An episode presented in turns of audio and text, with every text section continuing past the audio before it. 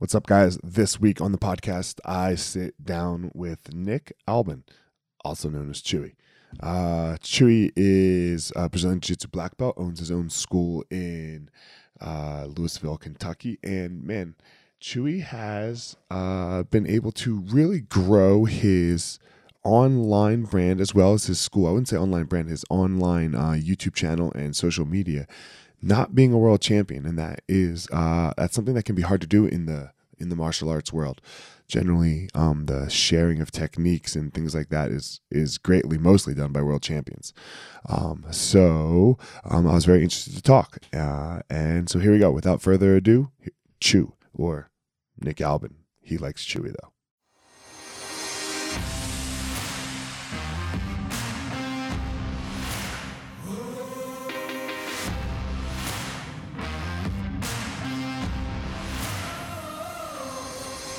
What's up, my ninjas? This is former UFC fighter Elliot Marshall, and this is the Gospel of Fire, where we are going to learn how to go into the fire so that we can find our power and live the best life possible.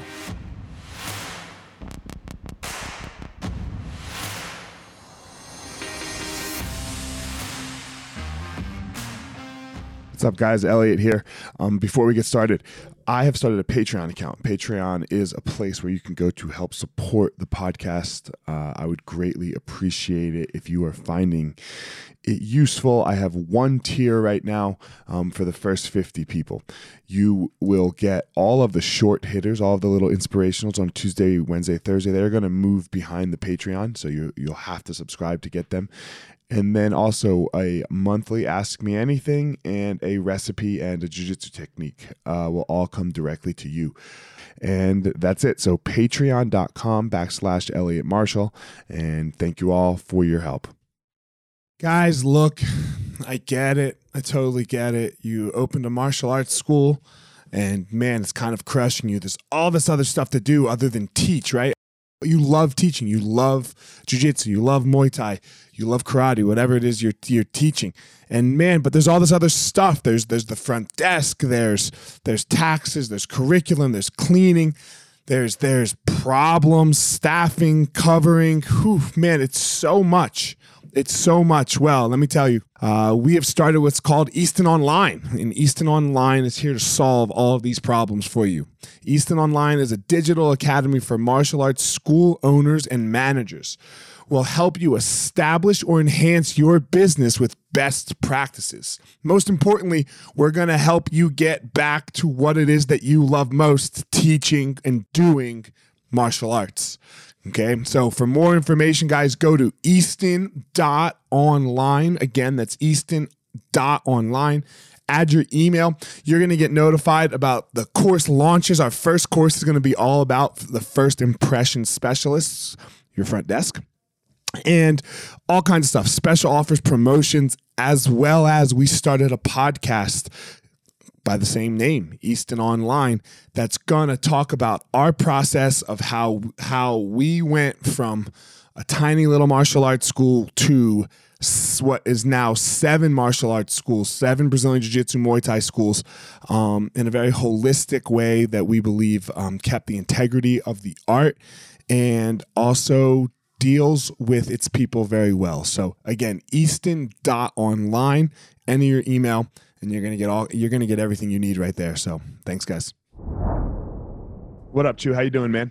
Good, brother. How are you? You're living that you're living that gym owner life, right? Got called got called into instructor couldn't do it, and here we are. yeah, yeah. So you know, I usually teach. Um, I, I, teach multiple classes in the morning, multiple classes in the evening. Then I have a few instructors come help out. Um, but one of the guys got called in, so I was here and then ran as soon as I literally class was just done. I ran back here, took my gi off, and now I'm here with you. Man, uh, I just, uh, you know, not that anybody can see it, but I just took my dog on a walk. And when I took my kid to school this morning, it was colder. So I had pants mm-hmm. on. And then I took my dog to the walk. I was, still had my pants on. It was, it's fucking hot. So I'm sitting here no underwear. So you're you're in your gi pants and I'm in my underwear. So very nice. You know? The um the weather there because our seasons are beginning to change here in Kentucky too. Mm-hmm. Does Colorado? Do you guys have real distinct seasons? Uh, do we have distinct seasons? We definitely have winter and summer. Okay. Okay. But then there can be some blend, right? Like, um, you can get snow in May and June, Mm. And we've already had snow in September. So, uh, and I guess that was still technically fall. I mean, summer when it snowed. Oh wow. So, uh, and then it's really weird, man, because you can get like a 70 degree day in January, February as well. So it's a, it's a very, the weather is not very consistent here. Okay. Yeah, we- we've got the distinct season, so we're kind of Right. going into fall right now, where we've got those cool mornings, warmer, you know, evenings, and then they'll um, they'll sort of slowly get colder and colder as we get going. It's, I mean, we have that, right? But it's not consistent. Like all of a sudden you could just be like, yo, why is it 90? Or why Yeah, is it, yeah. why is it 20?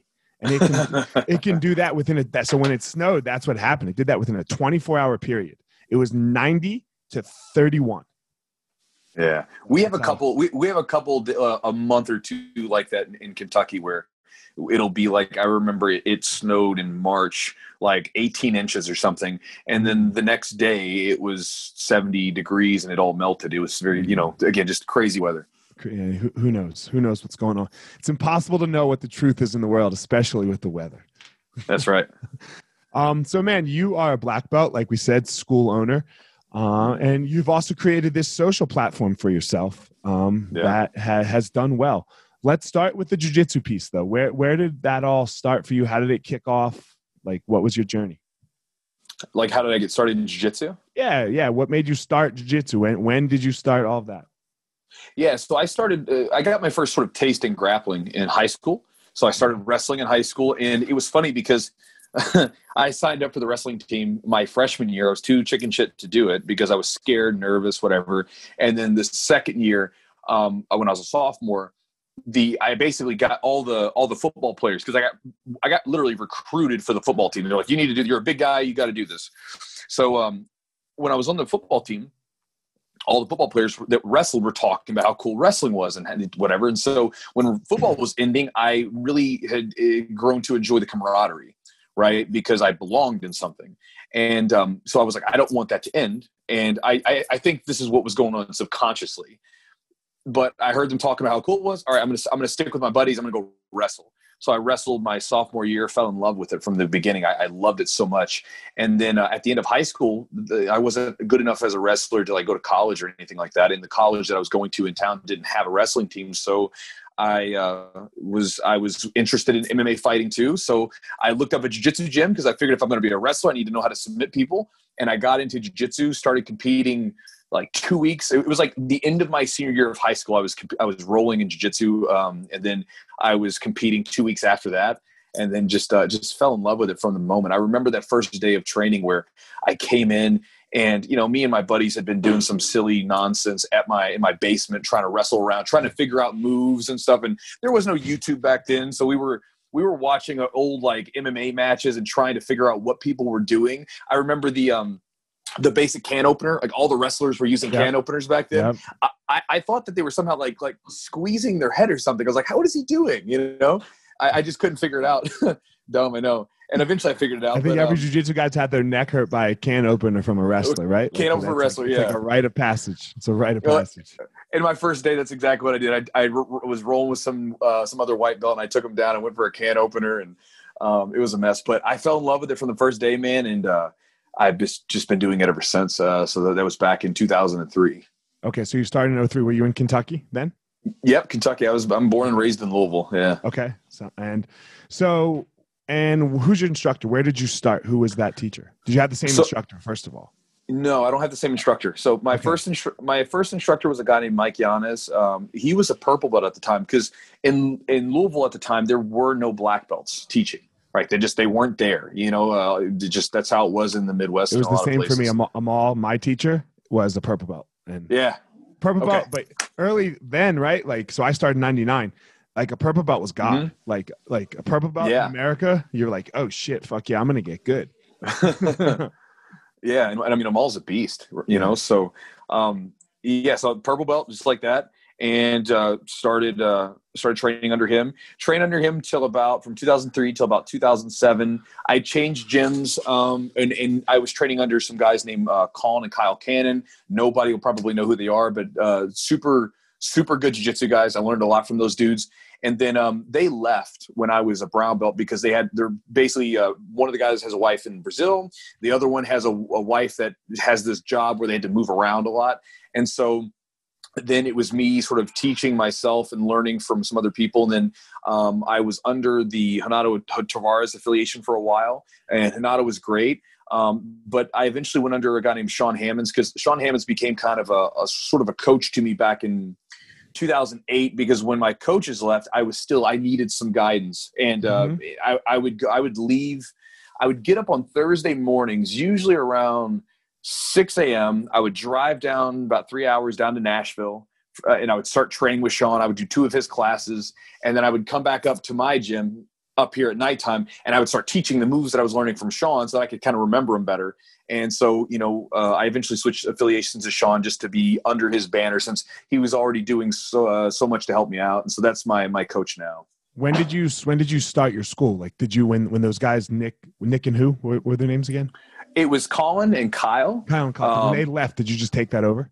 Yeah. So basically, this was uh, 2009. Um, okay. They they had to leave and essentially it, it, was it was my buddy uh, who was like the he kind of ran the front desk and the business side of things and then you know they were like they kind of told me they said man like they're going to need an instructor here someone's got to basically carry the torch and i had already started teaching classes for a while at this point because I, I wanted to do it i enjoy doing it and um, people kind of already looked to me as you know, a lot of times if they had questions and problems, they'd just come up and ask me, and I was always there, and I was always training. I was always happy to help. So I just kind of worked myself into that position. And then um, when they left, it, it, was kind of like I was the next in line, I guess you'd say, and they just kind of handed the torch to me, and I just kind of ran with it. How did you have to buy? I mean, did you have to buy the school, or? Yeah, there were there well the whole there was a whole thing about that. So it originally started off where I wasn't even because I wasn't very at this time 2009 I wasn't very what I would consider business savvy. Uh, you know, I made a lot of mistakes, and um, it, it, you know, we all do. That's how you learn. Um, I think but, I made them yesterday too, bro. Uh, oh shit, we make we make them all the time. Just sometimes they're worse than others, right? Yes. Um, but I, I just, I, I was just the idea of doing jujitsu, being a coach was like, oh my god, how lucky am I, right? So I started teaching, and then my buddy, he was the one that bought it for my coach. Now the gym wasn't doing great back then by any stretch. You know, I think he maybe paid like maybe 50 grand on the thing total. I don't know. You know, what was it? I mean, granted, it's kind of a weird thing when you're talking about paying for a gym because the people teaching it are kind of the service, but I'll digress. But anyway, I was teaching the classes. I wasn't an owner at all, right? And then eventually, um, I, me and a friend of mine who ended up becoming kind of the front desk manager, we bought the gym out completely, and now we co-own it uh, together, fifty percent down the middle. Okay, and Louisville still. Yes. Yes. yes. The same and, gym, same location since 2006. Yeah. Damn. All right. Cool. And how's it going? Like, so how, what was it like becoming that business owner? Because like that's a big shift. Because a lot of times, you know, you get this you get this all the time. Uh, 200 students or 500 students or a thousand students, whatever your membership base is, you multiply by the tuition in, in like mm-hmm. in people's heads sometimes, right? yeah, you multiply yeah. by, I mean, let's just use an easy number. 200 bucks a month subtract okay. like 30 20 grand for rent and expenses and you make like 60 70 thousand dollars a month you're just rolling in the dough. It's yeah, there, man. Right? You're rich as fuck. yeah, right.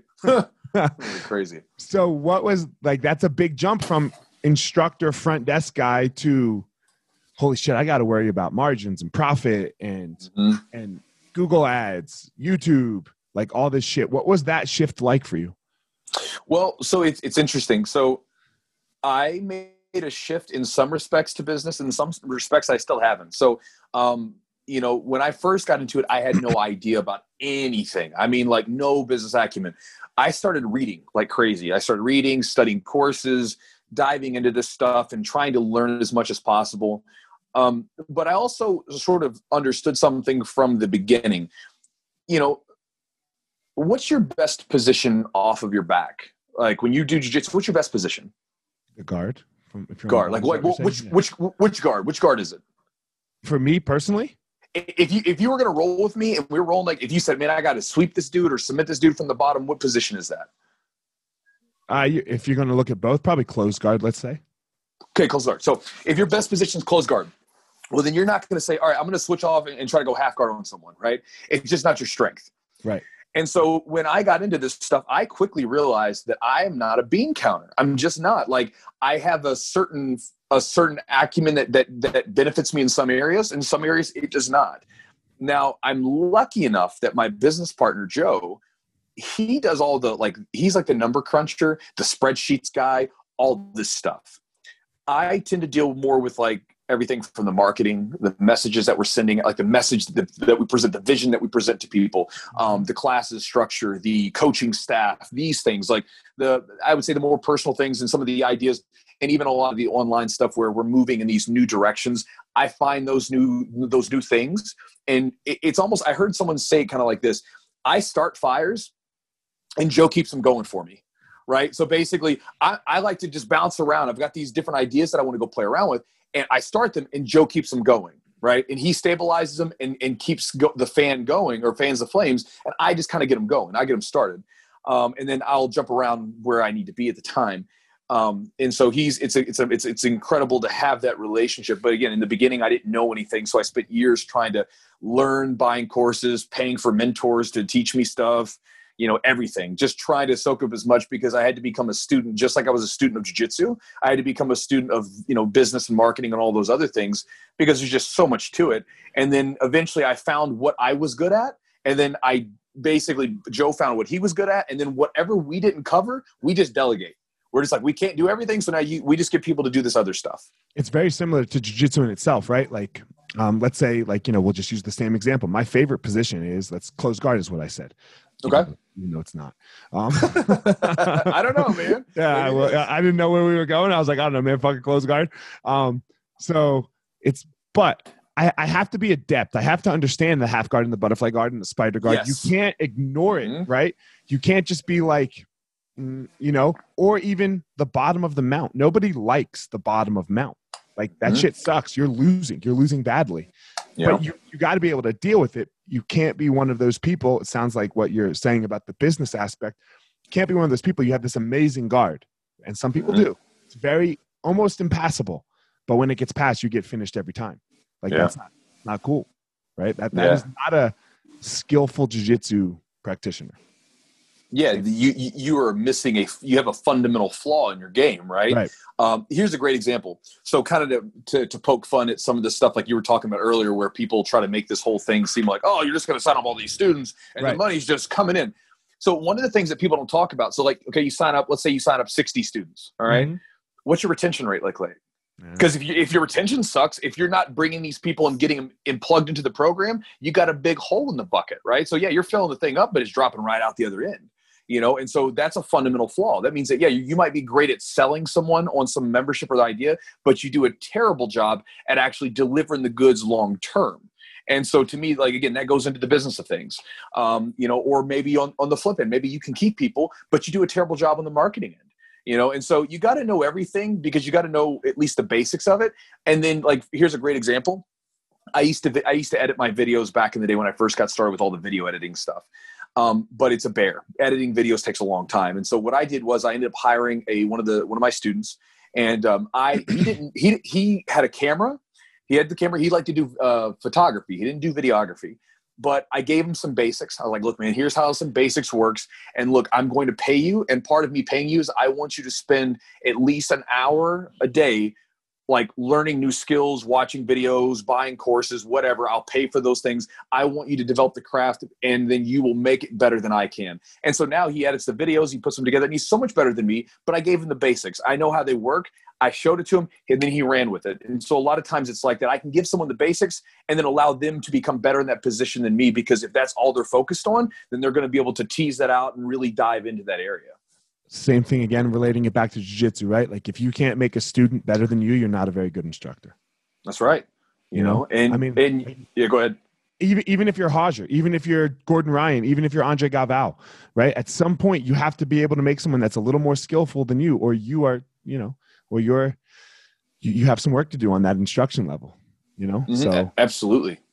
And I think a lot of times as coaches, like we we share, you know, with with students come in, it's so hard to possibly teach, and I know you know this, to teach someone every single thing that you know, but you try to give them a good foundation so that this way, if like, let's say that you teach a student some basics on butterfly and they kind of like it, they can go, huh, you know, I kind of like that position. And you give them enough basics to play with it that then if they want to dive deeper down the rabbit hole, they're able to because you gave them a strong enough foundation to work with and they can explore it on their own as well. And, you know, my philosophy is the number one thing is defense because mm. you, if you won't attack if you can't defend. Like you, you won't go for those offensive things if every time you blow it in training, you get finished. Like it, it, buries your ego a little bit. And now, look, I'm not saying I only teach defense, right? Like, but I, but for, uh, for top level guys, I really think that like you have to be able to defend. Like you, oh, you will always get in trouble. Like Roger, we've seen Roger get in tons of trouble, tons of trouble, never get finished, not one time, because he can defend. Give me one second. Yes. Hey, Trish. Sorry, I'm recording. Thank you. Sorry about that. She was cleaning. Um, you know, so um, but yeah, you're right because if, for instance, if you're afraid, because like you said, if you if you're afraid that you're going to get submitted, you can never really pull the trigger because in the back right. of your mind, you're thinking, oh, well, what if? Um, you know, and it can be that same way in business. If you don't yep. have a sturdy foundation where you know it's the business is reliably doing something, it can be very scary to take chances or do things because you're not sure what's going to happen. Yeah, and yeah, you're you're afraid of the downside, and and that can that can get people really stuck. Mm-hmm. Um, you mentioned, you know, you you definitely have made this online presence a thing, right? Mm-hmm. And um, uh, I guess I'm gonna try to say this as nicely as possible. Try not to take it the wrong way. You're not like you're not like the world champion. Like, no, okay, not. Like no shit. Marcelo Garcia can sell some some shit, and Hajar can, sure. and and yeah. Atos and Keenan. They're they're Buchecha, like they're amazing at jiu-jitsu, way better than mm-hmm. both you and I. Right? Yes. But you have figured this out. What was that journey like of like, all right, man, I'm not I am not that. How but but I can still offer something to the world in in this sense and in this realm. Like that that because most people get stuck in the oh man, I'm not a world champion. Who the fuck's gonna want to watch me? Yeah. You know, I, I here's how the whole online thing started, and then I'll answer your question. So the whole online thing started because I used to write a blog because when I was getting into marketing stuff, they said write a blog. Okay, I'll get a blog. I didn't really know what I was doing with it, but I was writing. And um, that was actually a useful process. And I would honestly encourage more people to spend a little time before they decide to like put themselves out there to really iron through their philosophies on things and really understand what the hell they think about stuff. Because I spent years, a couple years writing that blog, and all of a sudden I started doing the videos and I had years of this stuff built up of my thought process on things. So it was very simple to share. Um, but for me the online stuff started because i was doing the vlogs uh, the blogs and then one day one of my students he said in passing because like I get like the, the students they laugh about it. I'll go on rants about stuff. So like they'll someone will ask a question and all of a sudden I'm just blah blah blah going off about stuff. And um, I started noticing that there was a group of the students kind of hanging out listening. And I was huh. And then one of my students told me in passing. I was passing him in like a, a grocery store, and I saw him. And he said, "Man, he goes, you should make videos on some of the stuff you talk about in your your blogs." And, you know, I kind of thought the same thing. Well, who am I to talk about this? But then I noticed, I'm like, yeah, I'm not Buchecha. I'm not these guys. And I will never, will never will I be. But when I, I have a gym in Kentucky and at the time we had about 400 students. Um, I must be doing something right. Someone, someone must be getting something. We were winning tournaments. I had a couple guys that, that have won pans and worlds and stuff like that at some of the lower belts. So they've done very well.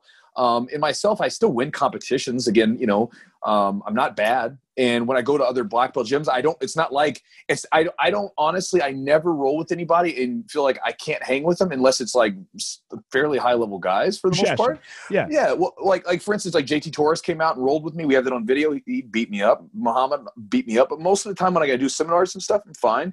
So I started to think about that. I said, screw it. I'll just do it. And, and I, I started making videos for my students where I was showing drills and sharing some ideas from classes in the videos. And then I started getting questions from people. And then the question thing was just, well, okay, I'll just talk to them as if they're one of my students. literally i'm going to go on some long rant just like i do for my guys in the gym and if you like it you like it and whatever and uh, because that was kind of a thing that happens on youtube people do it and i was like well I, I like this i like lectures like i listen to audiobooks i use um, my a lot of times like if i look on my um, my screen uh, or app like my screen time app Uh-huh. Videos and then that's the stuff that really because people started asking me questions that had nothing really to do with a specific technique but everything to do with a mindset or a or a, a social dynamic or something that nobody really talks about. And i was willing to answer it. And you know at the same time i was just being myself and people followed me and that's that. So um, you know as far as who i am i mean i'm i'm me right? I'm Right. chewy i'm nick whatever the hell i'd like to be that day depending on the circumstance but you know i'm me. And uh, we've all got an ex- we've all got a, a path to follow and no one's path is going to be the same you know? It's like sure there's high level competitors that are freaking amazing they do amazing stuff but that doesn't mean that just because you're not a world champion competitor or someone that's scratching at that top it doesn't mean that your experience your insights your ideas are you know that, that they lack value. Yeah, I call that your power. That, like, you, you literally just that's like I end every podcast with it. You'll see in a second. Everyone, ha- everyone has this thing that can make them amazing. Mhm. Just go find it. you got to And- find it You got to find it, and it's not. It's not what makes Chew amazing. It's not what makes Buchecha amazing. Like you, you said it. You can't be Buchecha. Buchecha. That dude's a fucking freak. Like he can hit the nos button over and over and over again. right? We. I don't have that. I don't. Doesn't sound like you have that. no Um, so you can't try to emulate that. What is it that you have? And obviously, you have this mind, right, where you like to think a little bit outside the box. You like to to move in different ways. Like you like to start the fire, like you said. Mhm. Where did that come from? Like, like have you always been like this? You know, it's funny because I sometimes you look back. It, it's like that. Someone said uh, some saying that's like, the story always makes sense. You know, at the ending, kind of thing, right? Mm-hmm. When you're at the end of the story, ah, okay, that makes sense. We brung it all together. It all kind of got tied up, and and I think about that, and it's interesting because I've always had this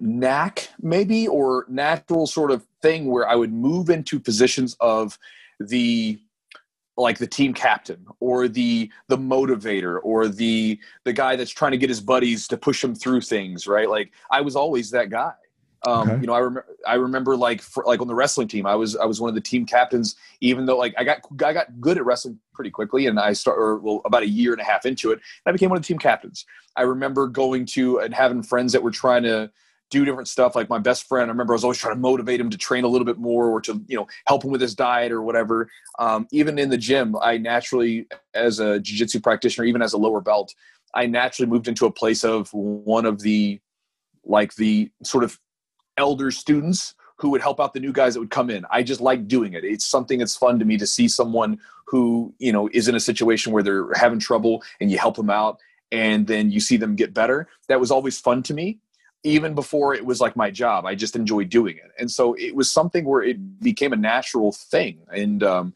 when i look back at it I- don't say it was like uh, maybe it was who i am or whatever but i had a natural sort of propensity to want to do those things and so it, looking back at it it kind of makes sense of what i do now Why do you think it is? Why, why do you think like why do you think it is that you like it so much? Like what does it like what does it do for you? Well, so I think that a lot of times when we're positively affected by something, we want to spread that into other people. And so, for instance, when I have a friend who became a um, uh, uh, an orthopedic doctor, they became an orthopedic doctor because of an orthopedic doctor doing some amazing stuff in their their young life, where they were able to walk because of the skill of this doctor. So that inspired them to say, you know what, I want to do the same thing for other people.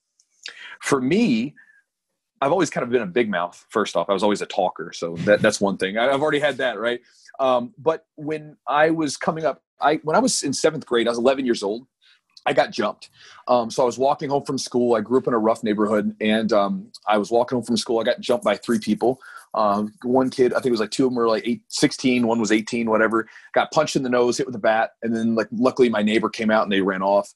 And um, you know, I went from being this young, active kid who was always outside riding his bike and playing, and then I got really I had no confidence. I felt afraid. I was I was beat up right in front of my home, and so I didn't go outside. Like I, I just I couldn't go outside. And even to this day, I still carry some of that trauma with me because like when I go into a room, I immediately scan everything for every inch. And i do it i just do it quickly. And i'll see people. If i go into a grocery store i will see you before you see me because i'm going to like scan everything. I'm always on that alert in, in to some degree.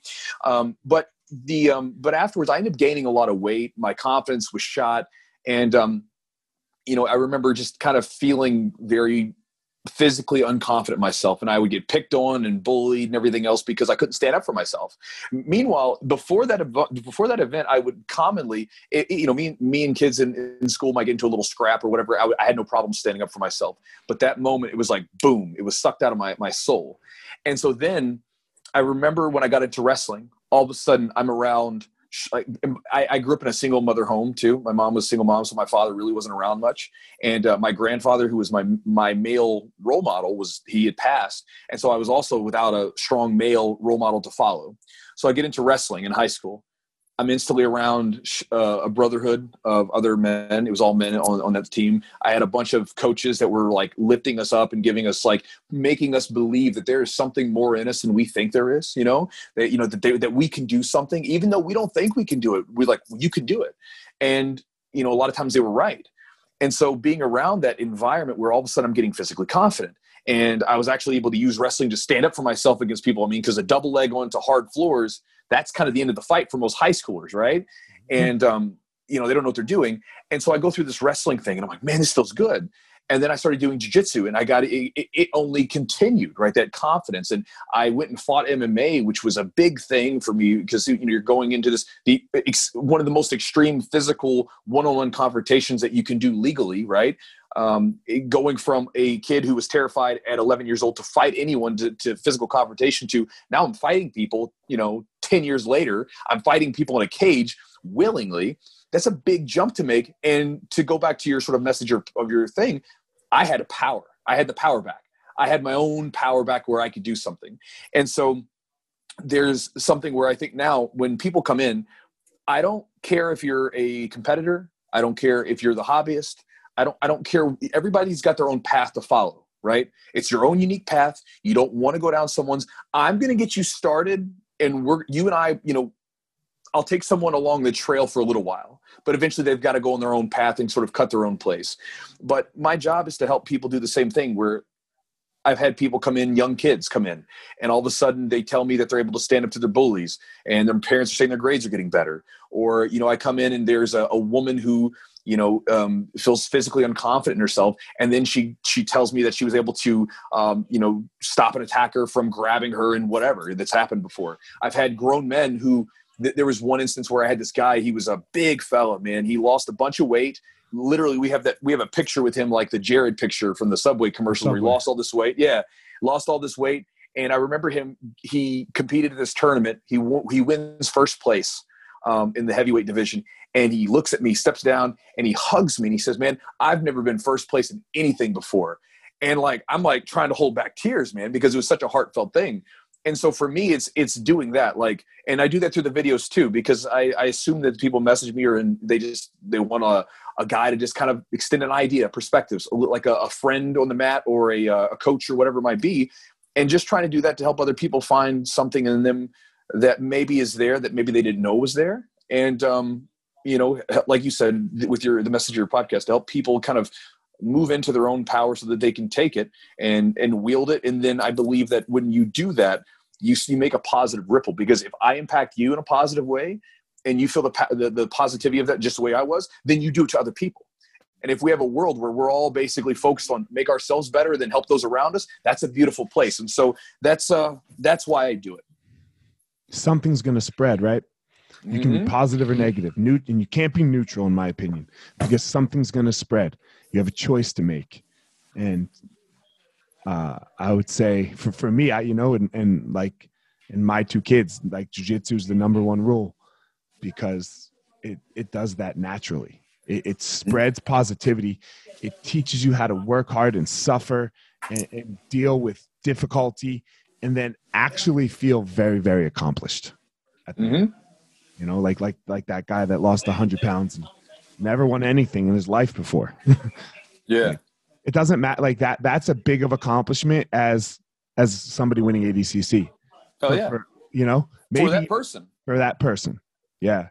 And because he a- just because he just told himself a new story because when you have that right like you have your ego your self-construction who you think you are and when something like that happens you realize oh I, i'm not actually who i think i am i'm something more and so that's a that's a that breaks ground because i mean I- don't know what kind of background you came from but i know that for me wrestling and jiu-jitsu did that where you know even when i was going to get into the business stuff i was nervous about it i was scared about it but i was like you know what I was scared about wrestling that one dude back in high school and I won that match. I was scared about doing this in jiu-jitsu. I was scared about this MMA fight, but I won these things and I did really well in these things. And even if I didn't win them, I was able to adjust and improve from them. So you know what? Let's do it.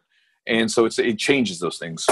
it's it's the idea that you can do it. If you, and that's all we're implementing in my opinion in someone's mind with with jiu-jitsu is that they can do it. Like look you you never used to be able to escape the mount. Now you can. Mhm. not on maybe not on everybody yet right? But you can do it on that guy. So if you can do it on that guy then you will the possibility is there for you, you to be able to do it on everybody and just believing in the possibility that you can do it is so important because if if you don't believe in that possibility you're fucked. Your, your whole Absolutely. life is fucked you know? So um your school now what does it look like? Like uh you said you had 400 students at the moment. I'm assuming more now. Like how how's it going for you guys like during you know like coronavirus is a tough time? Like uh i think like we're the antithesis of social distancing and, and all that stuff Yeah. you know yeah, we, we have a little bit less than 400 right now. okay Um, we um, we we raised our prices a, a, while ago because like a couple years ago because we had to, and um, we we lost a few students, not many. We're still in like the mid 300s, you know, stuff like that. So um, it's not bad. The um, as far as the coronavirus stuff, I mean, honestly, man, the gym's fine. The gym's Right. doing great. Like we're actually we're still having one of our best years ever, um, and um, it's been interesting because obviously in the beginning we actually I actually closed down before the state mandated it because I didn't know what was going on. And it's you know it seemed a little squirrely. So I was like you know what? I'm gonna I'm gonna shut things down just to be on the safe side. And uh, it was like a couple days later all of a sudden the, the governor said that everything had to shut down. And then um you know the gym was kind of closed for the most part. I would come in and lift weights and stuff. And you know a couple guys would come in and lift weights but you know there was no rolling. And then um you know I would say it was in like May or June or whatever. We began training again a little bit, like in small groups, and then um, by June they started opening up gyms, and you know everything was happening in the country where you know there was like. Uh, and, and I know this is going to become political in some fashion for people, but a lot of the protesting was going on, which I'm I, I'm supportive. If you want to protest, I'm not a, I'm not for violence, but if you're wanting to protest something and you have a feeling, fine, no problem. I'm, I'm cool with that. But people were supporting it. So I'm like, well, if you're supporting like millions of people being in the streets, then I think that a small business owner who's getting screwed one way or the other should be able to do what they want to do and have people together. Because I mean, hey, let's be honest, it's like it is what it is. So we um, we began opening up, and we opened up in June, and we've been going strong since.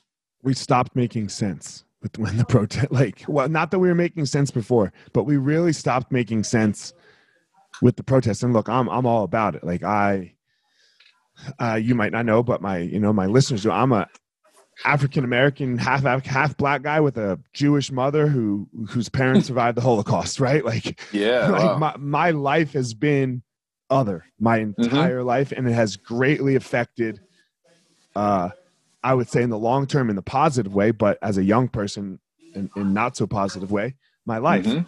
you know um my dad grew up during civil rights and i was around holocaust survivors that that's wow. you know um that's an interesting life so i am all down for the protests 100% not the violence like you said i understand the violence a little bit i'm not i, I do. I don't condone it, right? I don't say, hey, you should be violent, but I do understand it. Um, not not Antifa and the dumb little fucking kids going around throwing rocks. Not those. Th- that's fuckers. that's that's what more I would be like because I'm actually I'm not even against like if it's like concentrated violence on a particular reason because that's been around Right. since our founding fathers. They would go burn Right. the the, the Right. tax co- tax collector's home or whatever. exactly. Um, Right. But but going into neighborhoods where the people that were that should be the most upset by certain things going on, those are the areas you're destroying. It's like that doesn't make any sense because you're making it's not helping anyone. Right. You know, and, and it's uh, not so, even yeah. normally them destroying their neighborhoods. It's somebody else coming into their neighborhood. That's fucking stupid. Anyway. exactly. Yeah. anyway, but yeah, um, and to be as political as possible. Um, I think everyone knows I'm not personally a Trump supporter, but in the sense that the protests don't cause coronavirus, but Trump rallies do, is bonkers. Yeah. Like that. Well- that's where you know it's bonkers because you can't like it's the same fucking thing. hmm Not not that I agree. Not, take take whatever is being said at the particular events away. Like just Mhm. take that away. But a thousand people and a thousand people, the same fucking thing's gonna happen. It- we Well- stopped making sense.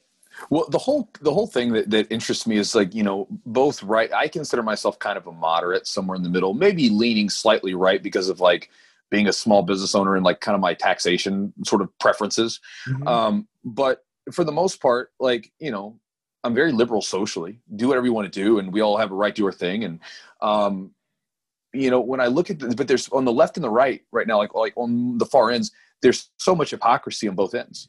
You know, it's like they will take the same rule and then when it applies to something if when it applies to the thing that they don't like they will use that rule and say you should be doing this because but then when it applies to the thing that they like oh we shouldn't do this because you know and so we, we cherry pick we're not very consistent with our thought process on things because really what's going on is we just don't like something. And i would be more happy if we just said you guys just don't like this and that's why you're upset. Fine Fine. but don't tr- but but but don't but don't act like one you know it, it somehow it doesn't understand like the coronavirus doesn't infect people in these settings and it does these settings and whatever because you know it's just a big mess and there's so much hypocrisy on both ends where i just kind of sit back and like you guys can argue all you want to but um you know whatever. It's so fr- uh, yeah, and and and for me, that's why we need jujitsu the most because you come on the jujitsu mat, man, and, and all that shit goes away. Like it, Mhm. it just goes away. You just fucking struggle together. I choke you, you choke me. Today you won, tomorrow I win. Who fucking knows? But you have no time for that, Mhm. right? You have you have no time for the discontent and uh, that person is not a good person, and and and and the separation this is this is the biggest thing that between the coronavirus and the politics that I see going on right now is we are getting more disagreeable with each other and we're thinking that somebody else is dangerous. Like the Mhm. idea that I see you walking towards me and holy fuck, I need to go over here and like shield myself with a mask. Yeah. Fuck man, that that has severe consequences. Severe consequences in humanity's existence. Yeah, and I think one of the cool things about jiu-jitsu is, um, you know, back in the day, obviously, we used to have religion. It was much more pervasive in there, and religion has all kinds of bad stuff attached to it. One hundred percent, I understand this. But one of the things that it did have attached to it that was mm, you could maybe consider a positive is that it sometimes acted as like a social glue, where no matter our differences, we have this in common, and therefore we have a common thread amongst us where we can relate with one another, and that's a beginning, right? So we say we start here, we branch out. Um, you know, sometimes this happens with um, with with like gun ownership. You know, like where like if I go up to the range and to go shoot, you'll see all kinds of different people hanging out outside, like talk about their guns and stuff that probably would not see each other outside of the range or outside of the the, the that kind of thing. Um, and in jiu-jitsu, it's the same way. Where like for instance, our gym um, has people that drive up to an hour away to get here which you know the traffic's not crazy out here. So that an hours that that's some that's some distance. And we have people from all walks of life religions socioeconomic uh, political affiliations the whole gamut. And when you're training you have this thing in common where you're you're bonded with each other you're training and you know you might say well this dude's a republican or a democrat or whatever. Man this dude's a good dude you know like like what i mean so it's like it, it, it breaks down those divisions that a lot of times we are conditioned to and i say conditioned because we are conditioned to separate people by right? Because a lot of times like when like when little kids grow up like when little like when little little kids for instance like um, we'll have guys that have to bring in their kids sometimes that are like you know three four whatever. Mhm, and mhm. those kids they don't look at they just hang out. They're just chilling hanging out we with just each figure other it out. yeah. Hey what, what, what's on your what's on your little your little you know kid iPad thing and they're just hanging out. But then as we get older, society tells us, hey, you're, you guys are different. You're not supposed to like each other. And these are bad people. These are good people. And we start to put these labels on people and we try to categorize people into boxes. Right. So we try to put people into boxes and say, well, this is this person, this is this person. And when you train, a lot of times, at least it's been my experience, a lot of people in my gym who have come in have made me, when I was younger, have made me rethink what my boxes were because I'm like, wow, well, you know, this guy came in and I was expecting this from him, but wow, you know, this is not the same person. Like we had one guy who um, he came in and he had he had, he had a like a, a, a, like a class C or D felony on his record because he, he had like a, a drug charge and he came into the gym. He was wearing the whole tap out gear thing, and mm-hmm. he was like, "Yeah, man, I want to fight, whatever." Well, this dude, eh, when I looked at him, I'm thinking in my head, man, this guy's kind of a he looks like a douchebag. But you know what, man? I give everybody a fair shake. You always get a fair shake in the gym. So no matter what, you can prove yourself because that's what the gym's about, right? You can prove yourself to me by the character in your actions. He comes in the gym and the dude, he's become an amazing person. He's a great dude to be around. And, and it's so many little things that you would not expect him to do. Like he plays the violin. Like the like you're not expecting what? the guy where the full yeah. Ta- yeah the full tap. So it, it changes your mind on what you think people are, and and to remind you, oh hey, don't put people into boxes get to know them a little bit and sure they may be different than you but in most cases you're far more similar than you are different and people are so much more dynamic and multifaceted than you know the little piddly stuff that you want to try to categorize people as yeah man and and jiu-jitsu brings in people from all those walks of life that's why it's amazing mm-hmm. right it brings you get doctors and lawyers and you get drug dealers or ex-drug dealers right mm-hmm. and, and criminals all in the same spot right? All in the same spot, trying to do the same thing, which I don't even think is get good at jujitsu. I think it's live a good life, you know, like live a positive life. And this is something the activity of jujitsu helps them do that. And and that's mm. why the communities grow. Jiu-jitsu is the vehicle, but it's mm-hmm. not it's not what the person's actually searching for. I think jujitsu it, it there's um some work done. It, it's kind of by some sort of slightly um, slightly esoteric sort of philosophy, uh, uh, psychology stuff. But there's an interesting idea when you look at um, what someone would call liminal space, where basically you do transformative work in someone. Um, okay. Right. So first off, th- there has to be boundaries set.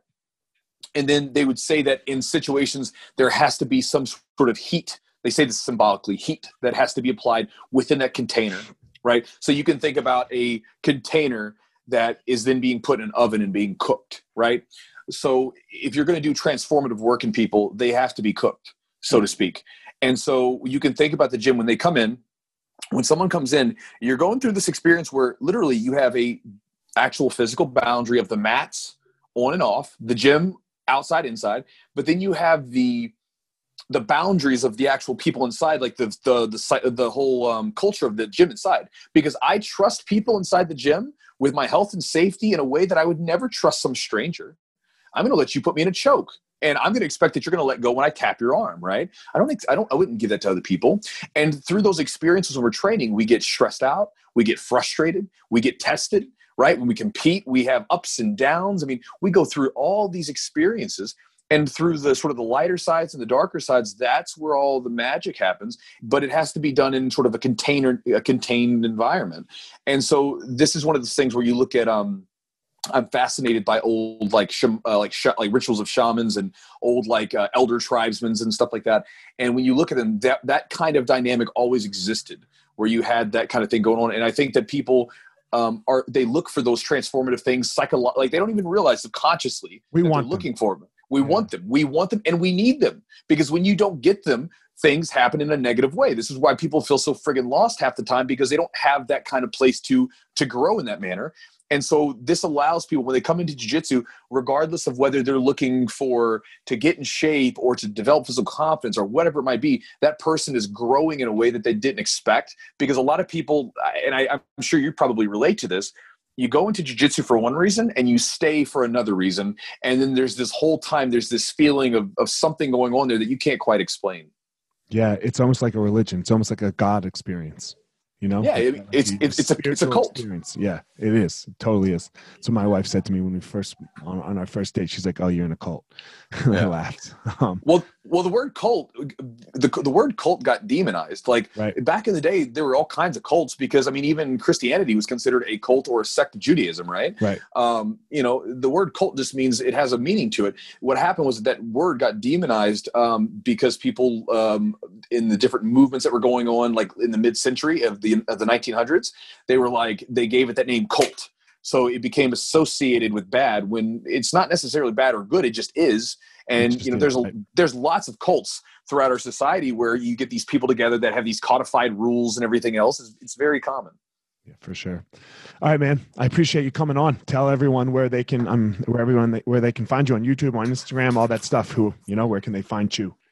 Yeah, so if you guys do jujitsu and stuff, or if whatever, if you want to find me, you can put in Chewjitsu anywhere on the internet. I'm sure you'll find me. Most of the time, my YouTube channel is my most popular thing that uh, people dig into. Um, and if you do jujitsu and you, I have a um, a couple of free resources that I give away. Uh, if people join my free my newsletter, uh, where I basically send out a couple of emails each week. If they want that, they can go to jujitsutraining.com um, slash pod pod. And so I prepared a few resources for specifically for your um, your listeners today. So if they want that, they train jujitsutraining.com slash pod. They can check that out. Sounds good, man. I appreciate it. They will appreciate it as well. Um, guys, as always, Chew obviously has his unique power. I have my unique power. You don't go out there and you don't try to be Chew and you don't try to be me. You go out there and you find your power. All right, everyone, thanks for listening to this episode of The Gospel of Fire. If you enjoyed the episode, I'd love a review on iTunes or wherever you are listening to this podcast. Don't forget to follow me on social media at Fire Marshal 205 if you are a BJJ enthusiast, check out my YouTube channel. I put all kinds of instructional DVD uh, videos out on there, so go check it out. My book is still out on Amazon by the same name as the podcast, The Gospel of Fire. So if you are interested, go check out that. And most importantly, guys, go out there every day, find your power. Thanks a lot.